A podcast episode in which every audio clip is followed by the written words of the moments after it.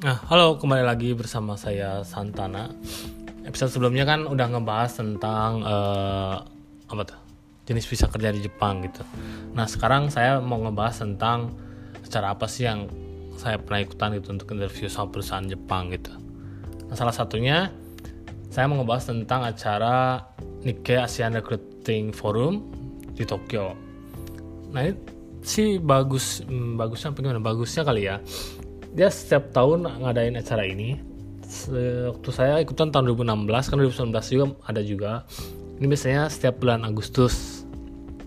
Nah apa sih nih kayak ASEAN Recruiting Forum ini gitu kan? Kalau disingkat sebenarnya NARF jadi ini acara di mana kita itu uh, yang lolos seleksi dari panitia acara tersebut kita di invite ke Jepang di Tokyo uh, selama satu minggu di situ kita bakal interview beberapa perusahaan kayak gitu.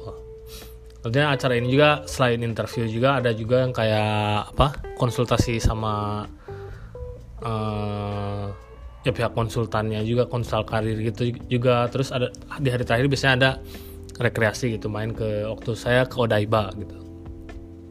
Nah jadi kalau mau cerita itu Sinika ASEAN Recruitment Forum ini biasanya datang ke setiap kampus setiap bulan Juni atau Juli gitu buat presentasi. Kalau di Indonesia biasanya ke Unpar, ITB, UI, BINUS maupun UMN. Biasanya UGM juga kalau nggak salah ada. Nah di situ mereka ngebeberin acara acaranya kayak gimana. Jadi kalau misalnya tahun ini kalian ada yang pengen ikutan, coba kalian kepoin dari kampus kalian pasti ada informasi tentang Nikkei ASEAN Recruiting Forum kayak gitu.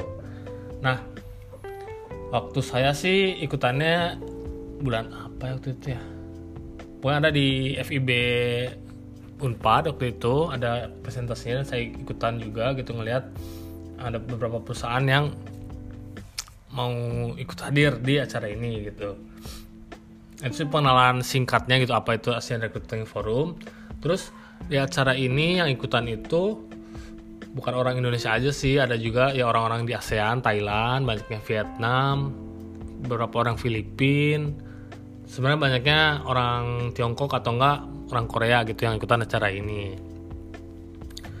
Nah terus selain yang dari luar negeri juga ada juga orang yang pada exchange atau ryugakse gitu bahasa Jepangnya. Ya. mereka juga uh, apa ikutan acara ini untuk nyari kerja juga gitu mungkin itu buat part 1 ntar saya jelasin lagi secara detailnya uh, di acara ini. Perusahaan-perusahaan apa aja sih yang uh, ikutan buat ngerekrut pegawai luar negeri gitu. Terima kasih